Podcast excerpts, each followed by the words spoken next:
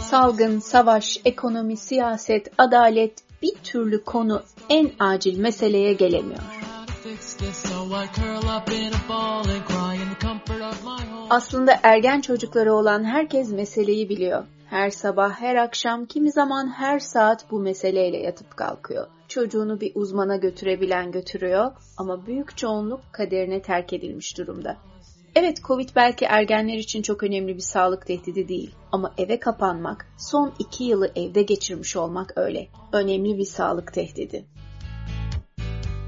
Merhaba, ben Aygen Aytaç. İlk podcastlerimden birinde sanırım üçüncüde uzaktan eğitimin çocuklar üzerindeki olumsuz etkilerini ele almıştık herkesin derslere erişimi olmamasından, durumu iyi, ailesi ilgili olanlarla olmayanlar arasındaki makasın giderek açıldığından bahsetmiştik. Ama iş psikolojiye gelince sosyal mesafe durumu iyi olan ailelerde bile çocukların psikolojilerini alt üst etmiş görünüyor. Kısıtlamaların kalkmasıyla her sabah birçok evde anne babalar okula gitmek istemeyen ergenlere karşı savaş veriyor. Ergenlerle iletişim zaten her devirde zorken, sosyal mesafe hali hazırda ebeveynlerin psikolojisini de çeşitli şekillerde bozmuşken ne yapmalı? Tüm dünyada sorunun yaygınlığı aslında politika düzeyinde ele alınmasını gerektiriyor. Ama biz o gün gelene kadar evdeki ergenler büyümeden duruma ergenlik ve ebeveynlik üzerinde çalışmalar yapan psikolog Ebru Karataş'la bir bakmak istedik. Çocuklarda çok fazla kaygı, özellikle sosyal fobiler çok artmış durumda. Kalabalık içerisinde konuşma, sosyal beceriler hepsi körelmiş durumda.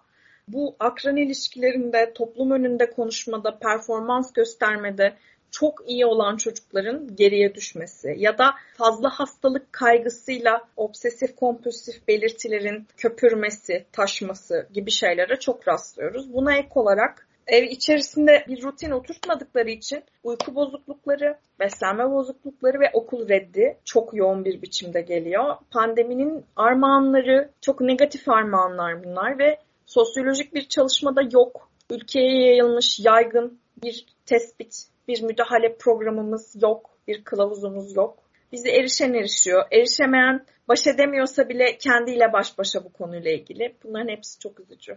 Yani bu 2020-2022 arası gerçekten çok travmatik. Hem pozitif bilimlerde hem sosyal bilimlerde senelerce hem araştırma yapmamız hem sosyolojik ve psikolojik olarak doğru saltımları yapabilmek için çeşitli kılavuzlar, programlar yayınlayıp uygulamamız gereken bir zaman dilimi diye düşünüyorum ama öyle bir silsile oldu ki pandemiden çıktık, savaşa girdik. Zaten ekonomik ve sosyokültürel olarak geriye doğru giden bir memleket olarak bir türlü önceliğimiz haline gelemedi bu konu ama aslında çok önemli. Eminim tek bir çeşidi yoktur ama çünkü tek bir ebeveyn çeşidi de yok. Ama sen sanırım genelde bizlerin dışarıdan bilmediği bir şeyleri de görüyorsun. Türkiye'de internetin ışığında, son gelişmelerin ışığında, boşanmaların ışığında tanımadığımız, bilmediğimiz yönleriyle bir ergenleri bize anlatır mısın? Çok şeye erişim hakları olduğu için yediklerinin önünde yemediklerinin arkasılarında olduğu düşünülüyor bu neslin ergenleri için dış dünya ile ilgili herhangi bir farkındalıkları olmadığı, bir duruşları, bir politize halleri olmadığı, bir hayat görüşleri olmadığı, bütün vakitlerini sosyal medyada geçirdikleri, okumadıkları, hedef belirlemedikleri gibi gibi bir sürü eleştiriye maruz bırakılıyorlar. Ee, peki bütün bu süreçlerin zeminini kim hazırladı? Bu ergenleri beğenmeyen ama onları yetiştiren ebeveynler hazırladı değil mi? Bazen şu hisse çok kapılıyorum. Çok tiyatral ya da birilerine ofansif geliyorsa özür dilerim ama seans odasında ebeveynler şunu diyorlar. Bu çocuk neden böyle oldu? Seans odasına bir boya aynası koymayı hayal ediyorum o zaman. Diyorum ki kalk bir bak bakalım bu çocuk neden böyle oldu? Ama az ama çok. Bunda bir katkımızın olmadığını iddia edemeyiz. Şimdinin ergenleri niye böylenin cevabı biz onları nasıl yetiştirdik de böyle oldu da saklıdır. Çünkü ergen ağaçta yetişmiyor, daldan kopmuyor. Yani önce ebeveynleri, sonra küçük sosyal çevresi, sonra okul hayatıyla beraber karıştığı çevresi derken maruz kaldığı herkesten, maruz kaldığı her şeyden etkileniyor. Tam da bu yüzden aslında ebeveynlere fazla mı yükleniyoruz diyorum. Ebru. Çünkü gerçekten de hani geçmiş toplumlara bakarsak da çekirdek ailelerin olmadığı bir hatta bir Afrika sözünden hep bahsediliyor ya atasözünden bir çocuğu yetiştirmek bütün köyün görevidir gibi bir şey. It Doğru. takes village to raise a child. Hep böyle derler. Yani çocuklar doğuyordu ve topluma bırakıyorlardı. Anne babalarından daha çok arkadaşlarıyla, yaşıtlarıyla onlar öğrenip gelişiyorlardı. Şimdi aslında evlere kapanmakla birlikte pandemiden bahsetmiyorum. Çünkü çok yakın olunca akla o geliyor ama daha çok işte apartman çocuğu oldukları için bizim dönemimizin çocukları fazla sosyalleşmedikleri için o şeyden uzaklaşıldı. Yani daha çok belki anne babaya maruz, ebeveyne maruz kalıyor olabilirler dediğin gibi. Ama yine de şimdi de internet var. Anne babanın kontrolünün dışında bir şey. Ve oradan da çok öğrendikleri şeyler yok mu? Yani sadece anne baba ile bu sonuç neyse, sana nasıl geliyorlarsa hangi şikayetle bilmiyorum ama sadece anne baba sorumlu olabilir mi bundan? Anne babanın çaresiz kaldığı durumlarda yok mu? Kesinlikle doğru. Günün sonunda bu tablodan tek başına mesul değillerdir ama çocuk iradesi dışında dünyaya gelir ve bizim ona inşa ettiklerimiz içerisinde uyaranlara maruz kalır. Ben burada çok kontrolcü olun, çok nüfuz edici olun, maruz kaldığı her şeyi kontrol edin. İdeali buduru vurgulamaya çalışmıyorum. Sadece maruz kalacaklarıyla ilgili bir malumat verin. Yani Bak yavrum, dünya böyle bir yerdir. Bütün gün oturup TikTok'ta gezemezsin. Gezersen kimse sana ekmek vermez. Yerine aman ayağa taşa değmesin. Biz çok büyük zorluklarda büyüdük. Hazır imkanlarımız da var. Özel okula gönderelim hem de şoförle. Yani suya sabuna değmeden büyüme hali, o evlere kapanma hali sadece bir sosyolojik değişiklik değil. Bizim de değirmenine su taşıdığımız da bir değişiklik aynı zamanda. Onlara bir dünya sunmak niyetiyle ortaya çıktıysak yetişkinler olarak erişebilecekleri yerlere ne koymamız gerektiğiyle ilgili bir imaja sahip olmamız gerekiyor. Çünkü bir savaş oluyor, bir saldırı oluyor, küresel bir problematik oluyor ve bu çok çiğ, çok travmatik bir problematik. Herkes çatır çatır paylaşmaya gidiyor. Ne için? Niyet tamamen iyi. Farkındalığı arttıracağız. Ama bunlar çocukların erişebilecekleri platformlarsa bu tarz bir hassasiyeti göz önünde bulundurmamız gerekiyor. Çocuğun girebileceği, erişebileceği, maruz kalabileceği yerlere çiğ içerikler koyarsanız çocuk travmatize olur.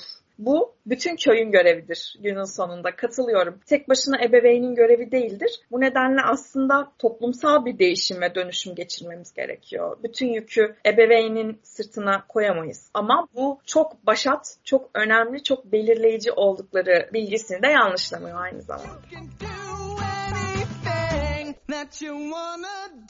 Yüreğinin götürdüğü yere git diye büyütüyoruz ya çocukları. Her şeyi yapabilirsin, her şey olabilirsin. Şimdi bunlar çok moda kavramlar. ee, bu gerçekten böyle mi? Yani daha doğrusu bu doğru bir şey mi? Yani herkesin her konuda yeteneği var mı yoksa önemli değil mi yeteneği olup olmaması? Bazen de böyle prenses diye, kral diye yetiştiriyoruz. Herkes bir şey olmak istiyor.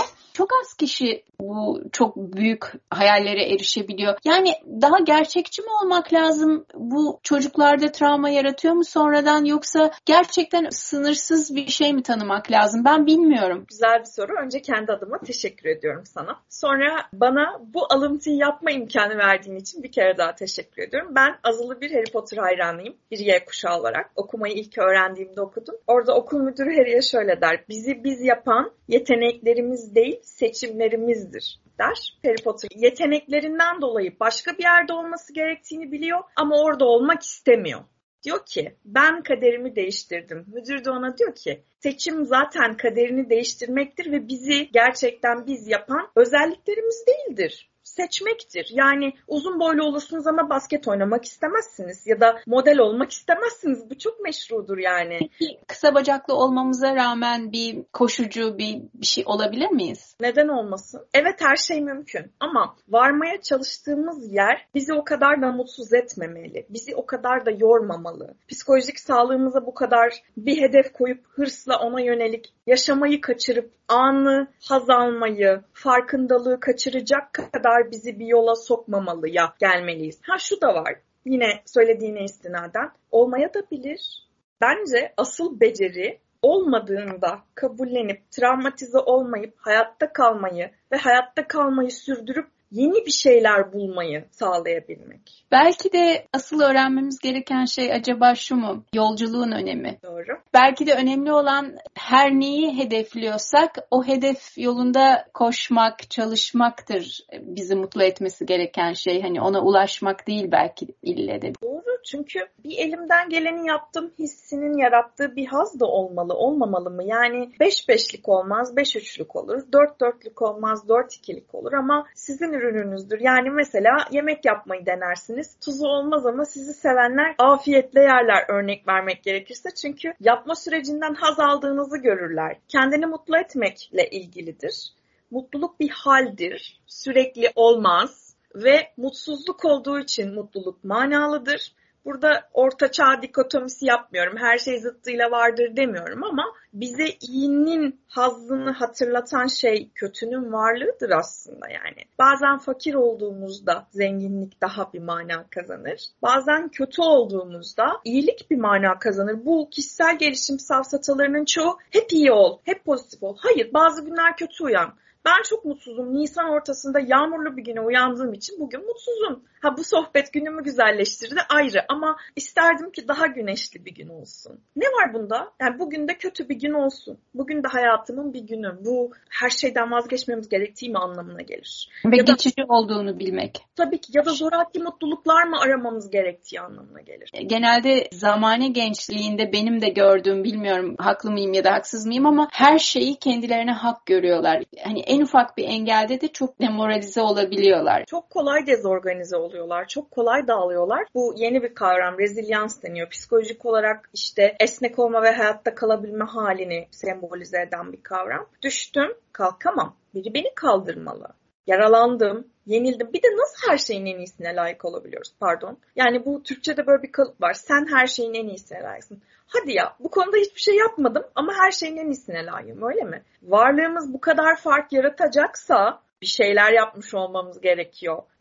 faşist fikirlere gitmesin aklımız lütfen. Hani var olma hakkı kazanılır değil. Var olmak haktır. Tıpkı bir otun, bir böceğin, bir kuşun var olma hakkı gibi bizim de var olma hakkımız vardır ama üst bilişsel yeteneklere sahip bir organizma olarak her şeyin en iyisine layık olacaksak bu kavramın altını doldurmamız gerekiyor. Nasıl her şeyin en iyisine layığız? Elimizden geleni yaptıysak evet ama parmağımızı bile oynatmadıysak gelsin iPhone 13 Pro Max'ler gitsin BMW X5'ler yok. Dünya böyle bir yer değil. Ben daha da ilerisini düşünüyorum açıkçası. Yani hak etmek bile bence boş. Yani o kadar çok yokluk, yoksulluk ve yoksunluk var ki bu kadar hak görmek hani çalışsan bile böyle bir dünyada bana yine de yanlış da geliyor aslında yani. Hani biz e, çünkü sonuç olarak kum tanesi bile değiliz bu evrende. O kadar doğru bir laf ki toz bile değiliz. Yani hem biriciyiz evet kimseye benzemiyoruz emsalimiz yok ama hem de aynı zamanda bu evrende bir tozuz yani bunun farkına varmak gerekiyor. Neyle iz bırakacaksın? Derdin bu kadar iz bırakmaksa iz bırakacak bir şey yap yapman gerekiyor. Hitler de iz bırakmıştı. Bu iyi biri olduğu anlamına mı geliyor ya da dünyaya iyi geldiği anlamına mı geliyor? Yani altını neyle dolduracağız? Bu arada daha iyi bir yaş- hayat yaşamak istemek haktır ama şu noktada da haklısın. Her şeyi ideal bir şekilde yapsak yine de olmayabilir. Çünkü dünya böyle bir yer. Kafamızdaki teraziyi ve mümkünse psikolojik mukavemetimizi buna göre ayarlamamız gerekiyor. Bu nereden geçiyor?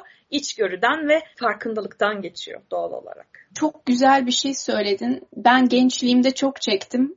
Adalet arayışı. Sana gelen ergenlerde bu konuda bir sorun görüyor musun? Bir kabul var. Sorun değil. Bir kabulleri var. Bence bu kabul sorun. Çok sorgusuz sualsiz bir kabulleri var. Ve bu kabulün kendi kolaycılık, istek ve arzularını meşrulaştırdıklarına çok inanıyorlar. Yani şey diyor mesela bu kadar okumuşsun bak karşı karşıyayız. Ben YouTuber olacağım ve senden 10 kat daha fazla kazanacağım diyor örneğin. Neyin kabulü var yani? Haksızlık, adaletsizliğin kabulü. Tabii. Haksızlık, adaletsizlik çok olağandır, hat safhadadır. Bunu değiştirmek için elimizden gelen bir şey yoktur.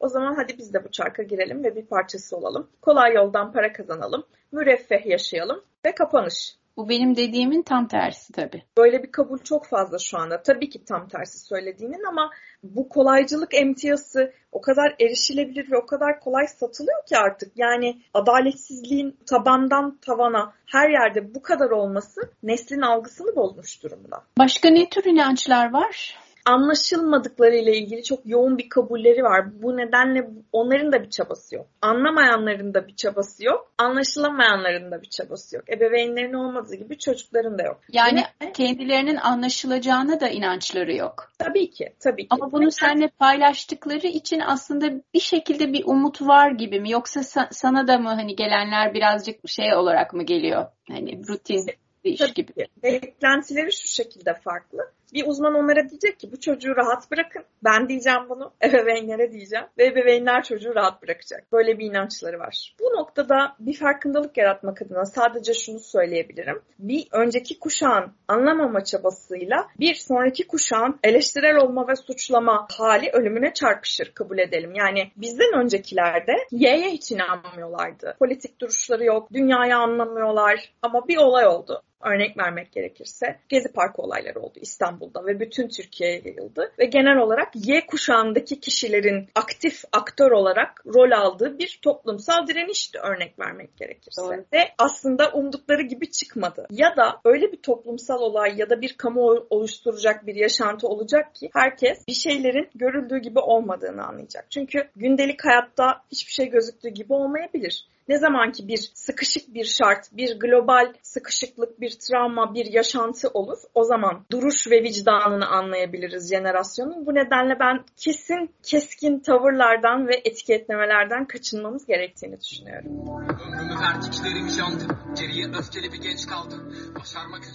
Bir de aksi empati becerileri gün geçtikçe köreliyor.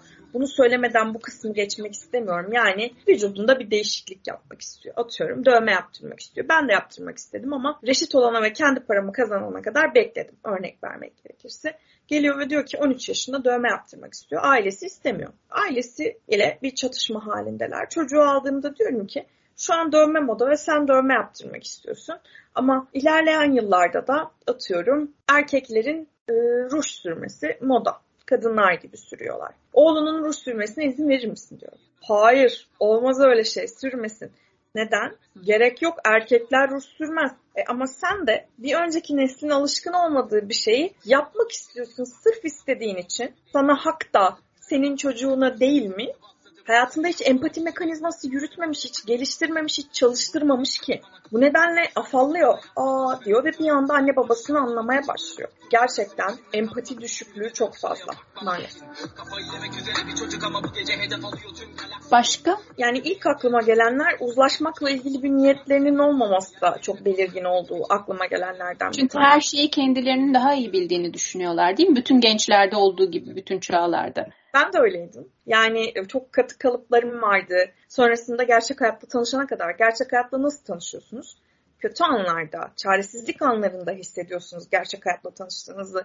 Bir kaza, bir kayıp, bir hastalık, bir mahrumiyet neyse artık altını neyle doldurursanız ama o kadar rafine bir hayat, ayakları hiç taşa takılmadan o güne gelmiş olmak ve ebeveynlerin bunu sağladıkları için doğru bir şey yaptıklarını düşünmeleri, fecati başlatan silsile bu. Hadi ona kolay bir hayat verelim. Peki gıyabınızda sudan çıkmış balığa dönmesi, dünyanın ona sunduğunuz gibi bir yer değil, aksine daha çiğ, daha acımasız ve görece adaletsizlikle dolu bir yer olduğunu görmesi, yakıcı, yıkıcı, bu nedenle çocuklara dünyayı tanıtan kişiler olmalı etrafında. Bütün köyün görevi bu. Sadece anne ve babanın değil. Peki kadın erkek eşitliği biliyorsun toplumsal cinsiyet üzerine eğitimler var günümüzde çok güzel kampanyalar var. Başka bir devir yaşıyoruz gibi ama sana gelen ergenlerde nasıl hissediyorsun bunu? Toplumsal cinsiyet yaklaşımlarını? İçine doğdukları için daha esnekler ve kabulleri ve toleransları çok yüksek. Öncelikli olarak bunu söyleyebilirim. Hangi sosyodemografik ya da sosyolojik katmandan, yapıdan gelirlerse gelsin daha az katılar. Bir kere bu bir kazanç. Yani Z'yi yerden yere vururken bunu ihmal ediyoruz. Eskiden telaffuz edilemeyecek kelimeleri bile gündelik hayatın olağanı gibi alıp çok kolay dillerine ve hayatlarına yerleştirebiliyorlar. İnsanları yargılama konusunda çok daha adiller. Şu açıdan seçmediğimiz özelliklerimizden dolayı klasify edilmemize karşılar. Hangi anadan doğduğumuz, hangi babadan doğduğumuz, toplumsal cinsiyetimiz, boyumuz, kilomuz bunlara göre insanları sınıflandırmak, etiketlemek ve bir nefret söylemi başlatmak yerine daha renkli bir hayatı kabul ediyorlar. Bu muhafazakarlık zincirinin kırıldığı ilk halka. Çünkü bir kabulleri var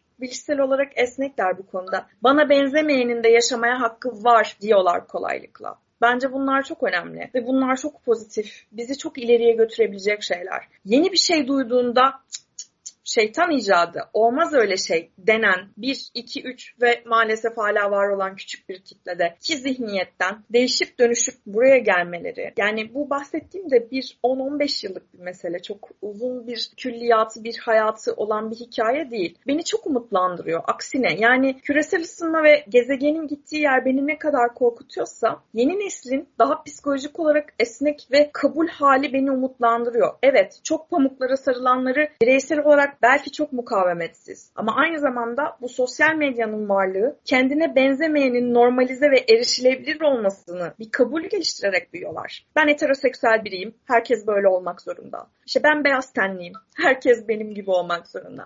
Makbul olan benim, doğrusu benim kavramını yavaş yavaş bütün renklerin bir arada durduğu bir bukete evriltiyor madem kötü taraflarını konuşuyoruz, iyi taraflarını da evet. konuşalım. Evet, peki sen sosyal medya ile ilgili olarak çok sorun yarattığı durumlarla karşılaşıyor musun? Tabii ki. Sosyal medyada oluşan kamuoyuna göre şekil alan çok fazla genç var ve kendilerini ait hissedebilmek adına bazen bilişsel olarak katılmadıklarında bile o tarafa doğru yüzebiliyorlar. Sosyal medya iyi bir nimete ve korkunç bir külfete dönüşebilme potansiyeli olan bir şey. Yani atom altı parçacıkların çağın buluşu olup bir ülkeyi yerle bir edebilecek bir savaş aletine dönüşmesi gibi çağın buluşu olup bir sosyolojiyi ve psikolojiyi yerle bir edecek bir araç haline dönüşme ihtimali var. Yani linç kültürünü arttırmış olması sosyal medyanın. Sosyal medyanın bizimki gibi ülkelerde adaletin yerini alması, ikame bir adalet objesine dönüşmesi, teyit almadan doğru bilgi ya da bilimsel bilgi olmadan ortaya atılan asparagas bir şeyin hemen içselleştirilmesi ve ona göre konum alınması çok tehlikeli. Ve gençler biraz teşneler bunu yapmaya. Buna dikkat etmek gerekiyor. Yani nasıl diyeyim hayatlarına çok kolay bu konuda yön verebiliyorlar. Örnek vermek gerekirse ben de bir sosyal medya kullanıcısıyım. Anonim bir isim kullanıyorum. Kişisel hayatımı ve özel hayatımı koruyabilmek adına ama benim kullanış motivasyonum farklı. Z kuşağındaki kullanış motivasyonu görmek ve görülmek üzerine.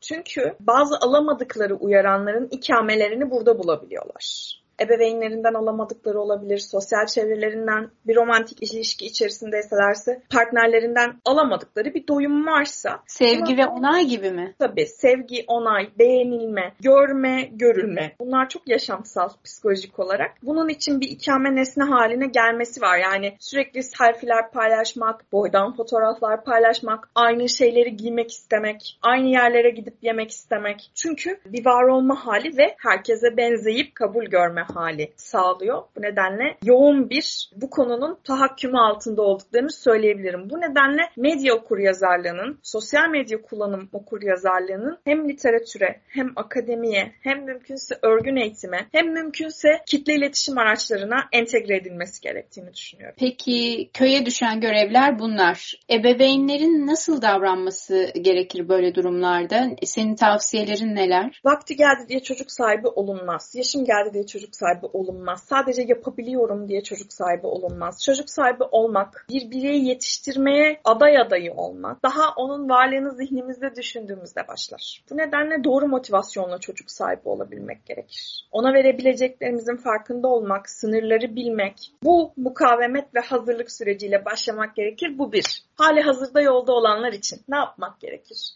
Bolca okumak gerekir öncelikle. Mümkünse akademik makale. Akademik makale okuyamıyorsanız okunabilecek çok güzel kitaplar var. Çok güzel yayın evlerinin harika kitapları var. Ama bazen okumanın ya da işte bir sürü şey okumuş sana gelmiş bir annenin ya da babanın da sorun oluşturabildiği durumlar olmuyor mu? Tabii ki, tabii ki. Çünkü yani iki kapak arasına basılmış her şey kitap. Eğer yazarı araştırmadan aldıysanız ve bu durum sizin hikayenizle hiç örtüşmeyecek şeyler içeriyorsa bu zararlı da olabilir. Yani var, tabii ki var. Ee, kendi inanç sistemine yönelik çocuk yetiştirme tutumlarıyla ilgili kitap yazanlar var. İçinde akademik bilgi, bilimsel bilgi olmayan ama sadece popüler olduğu için satan bu tarz kitaplar var. Ya da kişisel tecrübeye dayalıdır sadece. Aynen. Genellenemeyecek bir tecrübeye dayalıdır. Çok doğru kesinlikle. Burada kirlilik içerisinde iyi bir rafine kanal bulmak önemli. Ben okuyan ebeveyni aksine severim ama Google'dan okuyan değil. Yani gerçekten Google'a başım ağrıyor yazdığınızda beyin tümörü dahil bütün ihtimaller çıktıysa ve biz teyitsiz bilgiye inanmaya bu kadar müsaitsek bu çok tehlikeli bir durum. Teyit edilmiş bilgiye gitmemiz gerekiyor. Teyit edilmiş bilgi nedir? Bilimsel bilgidir, akademik bilgidir.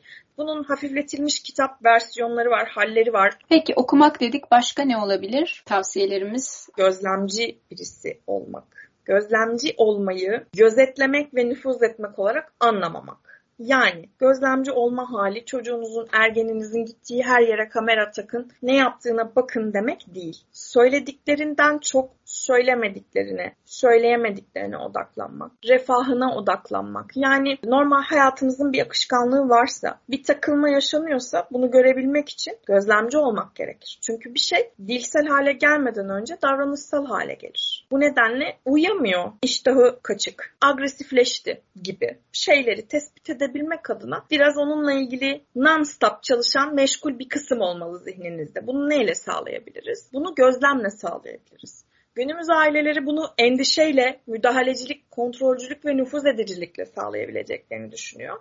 Ama bu istibdat sistemi devletlerde işe yaramadığı gibi çocuklarda da işe yaramaz. Bir diğeri gözlemci olmaya ek olarak iletişimde şeffaf ve dürüst olmak çok önemlidir.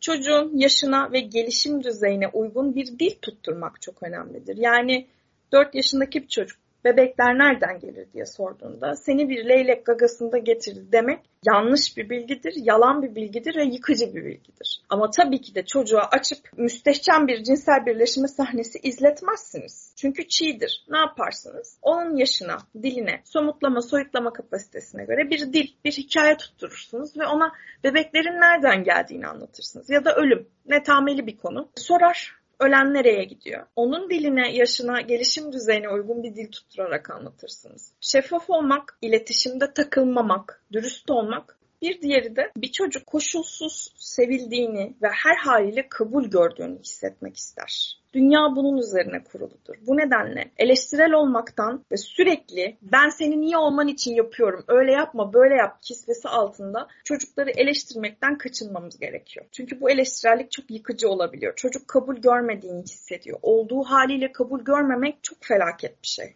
çok yaşamsal bir şey. Bu nedenle en önemli maddelerin arasına bunu da koymak isterim naçizane. Ebru bununla ilgili kafamda bir soru işareti var. Son söylediğin çok doğru. Koşulsuz sevgi. Çünkü koşullu sevgi bizim hayatımızın sonrasını berbat edebiliyor. Ama bir yandan da şu anda bir takım duyduğum olaylar var. Mesela çocuk kendi arkadaşlarıyla anlaşamıyor. Ama diyelim ki evin yardımcısıyla çok iyi anlaşıyor. Evin yardımcısı gerçekten iyi bir abla. Ama para kazandığı bir iş. Ama çok da iyi ve çocuk bütün zamanını ergen o ablayla geçirmek istiyor. Mesela onunla hayaller kuruyor işte onunla kurabiye yapalım, Sence bu kadar koşulsuz bir sevgi gördüğü bir ortam ve sürekli bu ortama gitmesi hani iyimser düşündüğümüzde evet bu dünyada böyle ilişkileri bulmak çok zor. Bırak geçirsin çünkü okullarda da çocuklar çok çekişebiliyor, mutsuz olabiliyor falan. Ama doğru bir şey mi? Ee, sınırları doğru çizdiğimiz takdirde neden bu doyumdan vazgeçmek zorunda olsun ki? Kimse zarar görmüyorsa, kimse kimseye zarar vermiyorsa, kişisel alanlarımız işgal altında değilse, taraf taraflardan biri kendini huzursuz hissetmiyorsa bence bir problem yok. Yani bu besleyen kanalı kesmek için bir sebebimiz olmalı. Ama mesela yaşıtlarla arkadaşla hiç zaman ayrılmıyor. Yani bunun sebebi bakılmalı. Çünkü yaşıtları onu koşulsuz kabul etmiyor. İşte yaşıtları diyor ki bak sen öne geçtin bilmem ne hani onu engelleyici şeyler. Yani aslında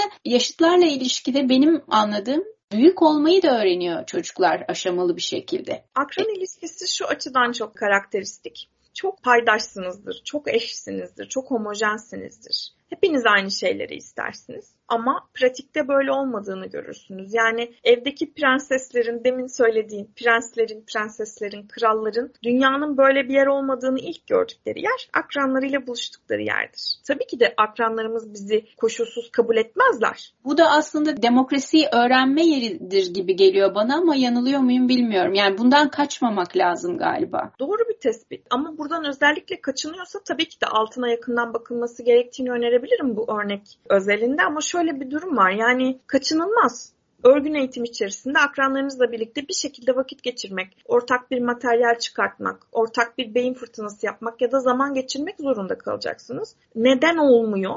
Yani ben şunu çok duyarım. Kendinden büyüklerle çok iyi anlaşıyor. Klinik ortamda bu çok gelir. Sebebi şudur. Büyükler daha esnektir, kabul gösterir, yüceltir pohlar tabii ki ve iyi hissettirir. Ama her ilişki iyi hissettirmemelidir. Ve her ilişki sadece iyi hissettirdiği için kurulmamalıdır. Bazı ilişkiler hayatta kalmak için mecburen kurduğumuz ilişkilerdir. Kasiyerle kurduğumuz ilişkidir, apartman görevlisiyle kurduğumuz ilişkidir, mobbingçi patronumuz varsa ama köprüyü geçmek zorundaysak bir noktaya kadar tahammül ettiğimiz ilişkidir. İnsan her sabah işe lay lay lom ederek gitmez. Ama işe gitmek zorundadır. Hayata hazırlanmak gerekiyor. Bir diğer maddem zaten bununla ilgili olacaktı. Bu örnek çok yerinde oldu bence. Ben teşekkür ediyorum. Sınırlar. Çocuklara sınırları hiç öğretmiyoruz. Sınırları nasıl öğrenebilirler? Kurallarla öğrenebilirler. Ama o kadar ben çocuğumla arkadaş gibiyimci aile geliyor ki çocuğunuzla arkadaş gibi olmayın. Çocuğunuzun zaten bir sürü arkadaşı olacak. Siz onun ebeveyni, kural koyucusu olun. Burada bir otoriteyi kastetmiyorum. Ama aranızda asimetrik bir ilişki olması gerekir. Siz denk değilsiniz. Siz ebeveynsiniz, o çocuğunuz. Kural koyacaksınız. Dünyayı böyle tanıyacak.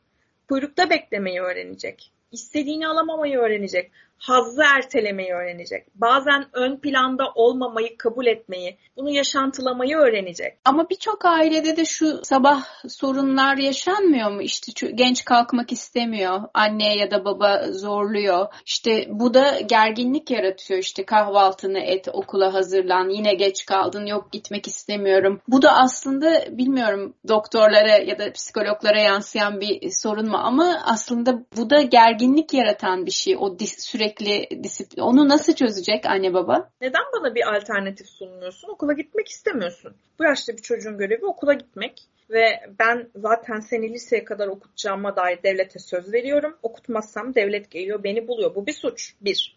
İkincisi neden istemiyorsun? Buna bakalım. İstemiyorsan da bu vakti başka bir şekilde değerlendirmek zorundasın. Bir işe yaramak zorundasın. O zaman sanayiye, gel, sanayiye verelim seni. Aynen benden çok yaşa. Sanayiye verelim seni. O zaman burada çalış. Ya da kasiyer ol ya da AVM'de çalış. Yani neyi hayal ediyorsun? Öğlene kadar uyuyup, akşama kadar bilgisayar oyunu oynayıp, dışarıdan pizza söyleyip, gece 3'e kadar devam edip, sonra Netflix, İstiklal Marşı ve kapanış. Böyle bir hayat yok ve ben sonsuza kadar arkanda değilim. Sana bu konuda kredi açamam. Sen özel bir yetişkin olduğunda kendi hayatını sürdürmekten, hatta bir aile kurarsan eşinden ve çocuğundan, cinsiyet önemsiz burada, karı ya da koca fark etmez, mesul olacaksın. O zaman yataktan çıkmak için bir motivasyon bulamıyorsan bana bir alternatif sun, tartışalım, yeni bir kanal açalım. Tamam, akademik hayatta aradığını bulamadın. O zaman sanayiye gideceğiz yani yapacak bir şey yok. Kimse bunu demiyor. Ya yani gerçekten bazı ebeveynlere şunu diyorum özellikle ergen danışanlarında ya bu yaz çocuğu bir işe koyun artık yeter. Çünkü özellikle pandemi iki yıl online okula gitme hali Sürekli okul odada olma hali evet. Okul reddini korkunç arttırmış durumda. Klinik ortamda en çok çalıştığımız konulardan biri haline geldi. Çocuklar örgün eğitim bırakmayı bırak somatik tepkiler çıkarıyorlar artık. Mide bulantıları, karın ağrıları, artık çok müdahale gerektiren haller geliyor. Sadece red değil. Sürekli uyaran vererek yapacaksın diye zorlayarak disiplini zaten sağlayamayız. Ya da ödül ceza sistemiyle sağlayamayız. Burada neyi sağlamamız gerekiyor? İstemiyor musun? Alternatifi gerçek hayat. Erkenden tanış dünyayla. Hayat kolay mıymış? Sen 40 derecelik havada bir döner kes bakalım. Bir sıcak bir şeylerin içerisine gir bakalım. Kızgın kum, serin su gibi oluyor mu? Olmuyor. Daha iyi bir hayatı nasıl sağlayacaksın? Kalifiye bir eleman olarak. Kalifiye bir eleman olmak için ne yapman gerekiyor? Okula gitmen gerekiyor. Gel sana bunu göstereyim. Zamanıdır deyip harekete Ebru'cum, gitmek gerekiyor. Ebru'cum tavsiyelerini uygulayan herhangi bir anne babayla karşılaştın mı? Örneği varsa paylaşır mısın bizle? Niyetinde olan ebeveynlerim var. Yani kendi yanında çalıştırmayı hayal ediyor bu yaz birkaç ebeveynim. Çalıştıkları kendi iş yerlerinde çalıştırmayı hayal eden ebeveynlerim var. Bir arkadaşlarının yanına vermeyi hayal eden ebeveynlerim var ve çoğunda da patern aynı. Yani her istediği verilmiş, dünyanın nasıl bir yer olduğunu bilmiyor. Bu nedenle her şeyin en iyisine layık olduğunu ve her şeyi yapabileceğini düşünüyor. Bu yanılgıyı gençlerimizin elinden almamız gerekir iyilikleri için. Bunu bir dünyayı yıkmak olarak görüyor olabilir sevgili ebeveynler ama bazen progres edebilmek için regresi olmak gerekir. Yani ilerleyebilmek için geriye doğru bir adım atmak, belki kötüleşmek, belki doğru toparlayabilmek için önce bir dağıtmak. Bundan Yüzeye çıkmak için lazım. önce bir dibe vurmak.